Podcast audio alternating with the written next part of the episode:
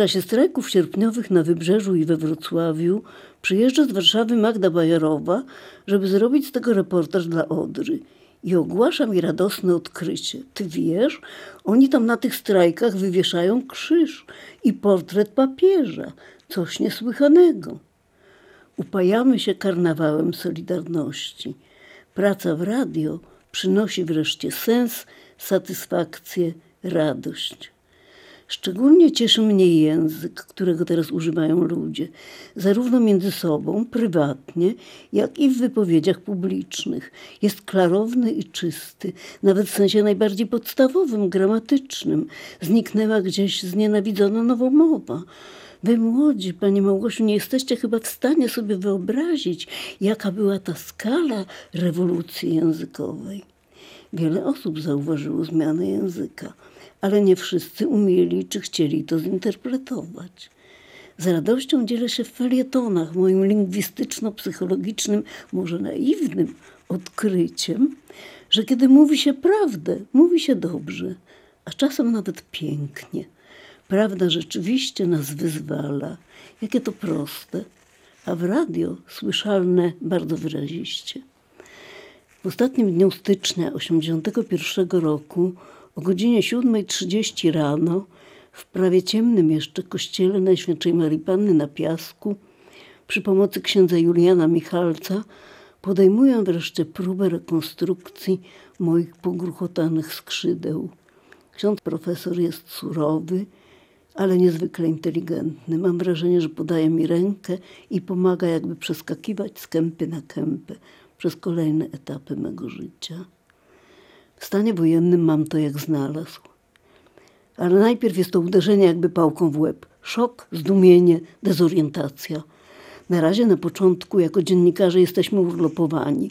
Program nadawany jest tylko z rozgłośni centralnej w Warszawie.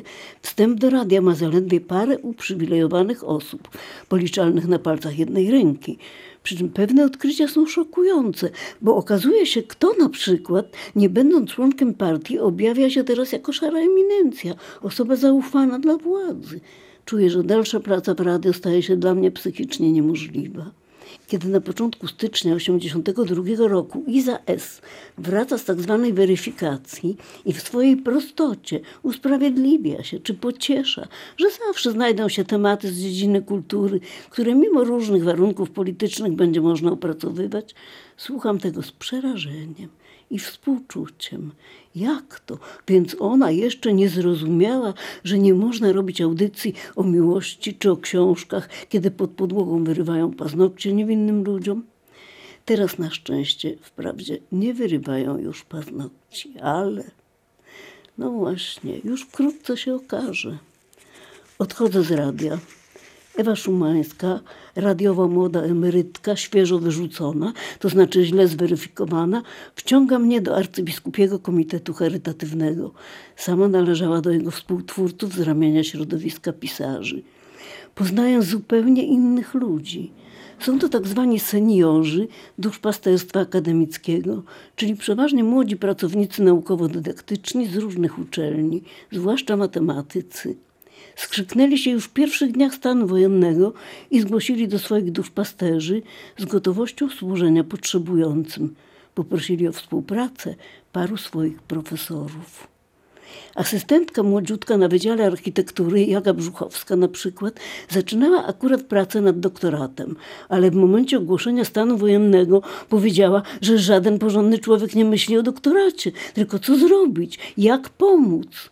No właśnie, to jest środowisko porządnych ludzi, pozbawionych doświadczeń niewierności, odejść i powrotów, takich, jakim inni porządni ludzie podają rękę, a nie jacyś tam dziennikarze, zastrachani albo karierowicze, koniunkturaliści, kompromisanci. Nie wiem, czy istnieje takie słowo, ale wydaje mi się właściwe. Po prostu inny świat.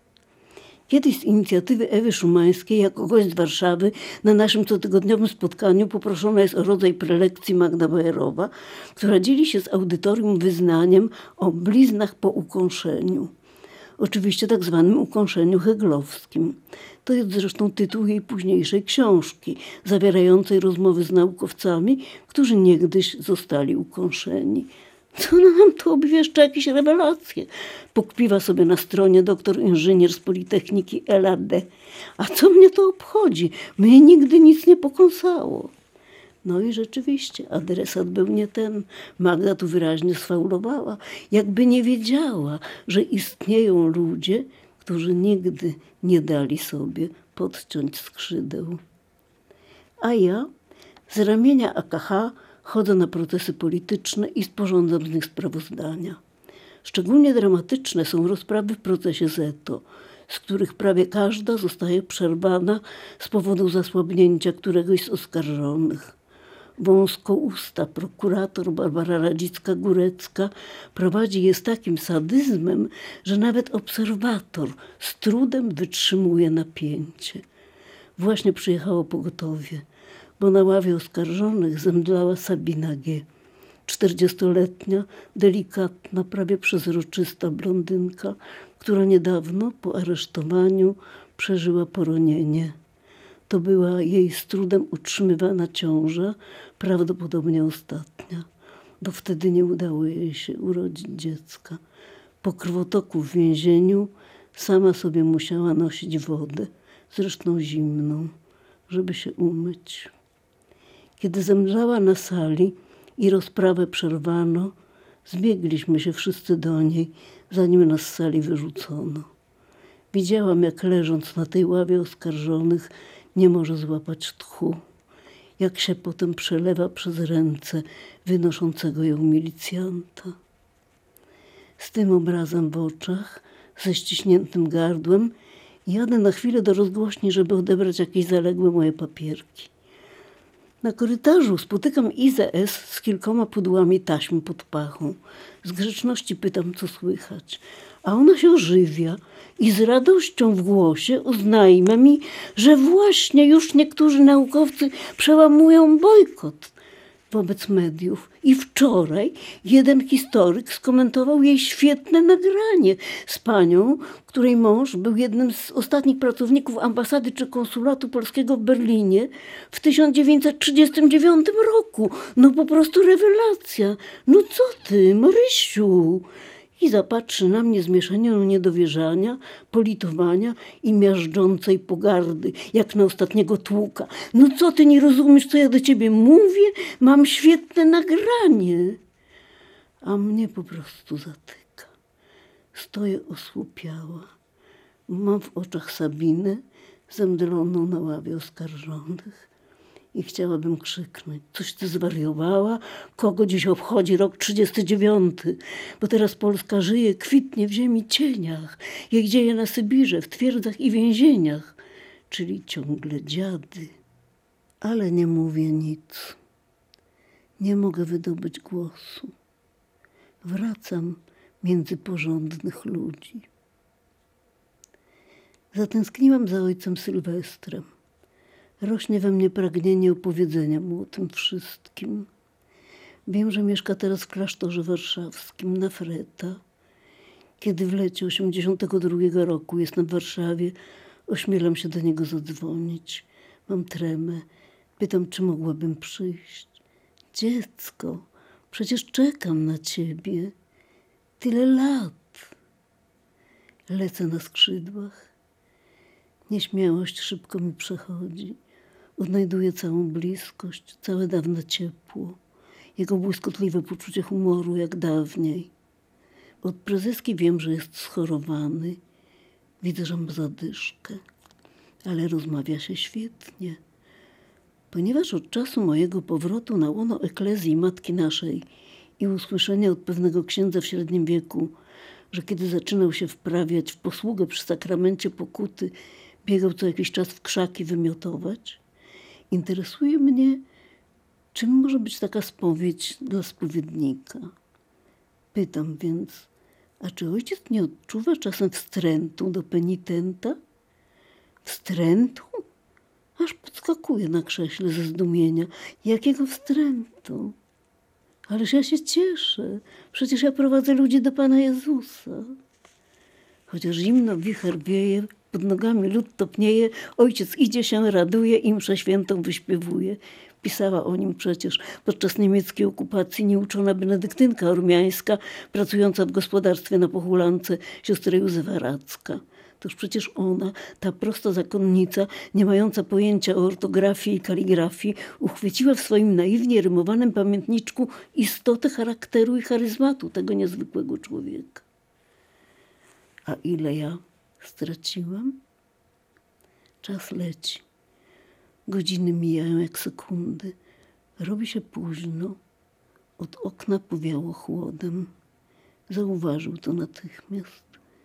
Ci zimno, mówi troskliwie jak do dziecka i tak jakoś zabawnie, niepoprawnie. Ci zimno. Poczekaj chwilę. Wychodzi do sąsiedniego pokoju i po długiej chwili wraca z kilkoma damskimi szmatkami przerzuconymi przez rękaw dominikańskiego habitu. O matko, pomyślałam, to teraz na starość kazali mu się w stanie wojennym zajmować rozdawnictwem darów z zachodu? Włóż to, zaraz ci będzie cieplej, mówi z ojcowską czułością i podaje mi sweterek z akrylu w kolorze écru oraz sfatygowaną, ale czyściutką i odprasowaną spódniczkę z pięknej niegdyś wełny w szkocką kratę, także w kolorach écru i bordo. Świetnie zestawione kolory, rozmiar spódniczki idealny. Ach, prawda, uświadamiam sobie, przecież to utalentowany rysownik, karykaturzysta, znawca historii sztuki, miłośnik i kolekcjoner książek z tej dziedziny o naturalnym poczuciu proporcji, niezawodnym oku, niezawodnym wyborze. Co to dla niego za sztuka znaleźć najlepszą, najlepszą, najlepszą szatę? A dalej jak to jest? Zaraz znajdę. Mam. I ubierzcie go, dajcie mu też pierścień na rękę i sandały na nogi. Czy ojciec ma jutro mszę świętą?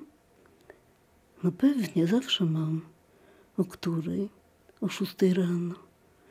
Zawsze? Zawsze. Bardzo bym chciała przyjść, ale nie mogę się zobowiązywać, bo nie wiem, czy zdążę. Byłabym zdążyła, ale z powodu niedostatecznej znajomości miasta przejeżdżam o jeden przystanek za daleko i muszę wracać. Kiedy wchodzę do kruchty, msza już trwa. Z głośnika zawieszonego nad drzwiami słyszę, że ktoś czyta teksty jakimś obcym głosem, robi pauzy w nieodpowiednich miejscach, jakby nie rozumiał, co czyta. Nie, to nie może być ojciec Sylwester. To jak? W ostatniej chwili zmiana? Coś się stało? To po co się tak zrywałam? Wchodzę. Boże, to on. On po prostu ma taką zadyszkę, że nie wytrzymuje frazy. Stąd te nieodpowiednie pauzy. Ach, rozumiem. To dlatego mam mszę o szóstej rano, kiedy przychodzą tylko pobożne babcie, które spać nie mogą i źle słyszą, więc pauzy nie mają dla nich żadnego znaczenia bo albo znają teksty, albo im na nich nie zależy.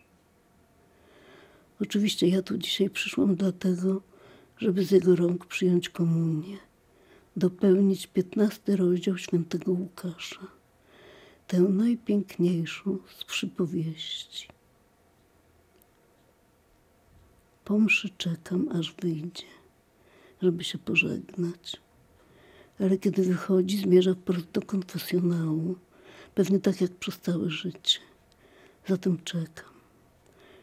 Wreszcie podnoszę się z trudem, więc i ja się podnoszę. Powoli podchodzę i bez słowa całuję go w rękę. Nie wzbrania się, gładzi mnie po głowie. Czuję, że mam ojca.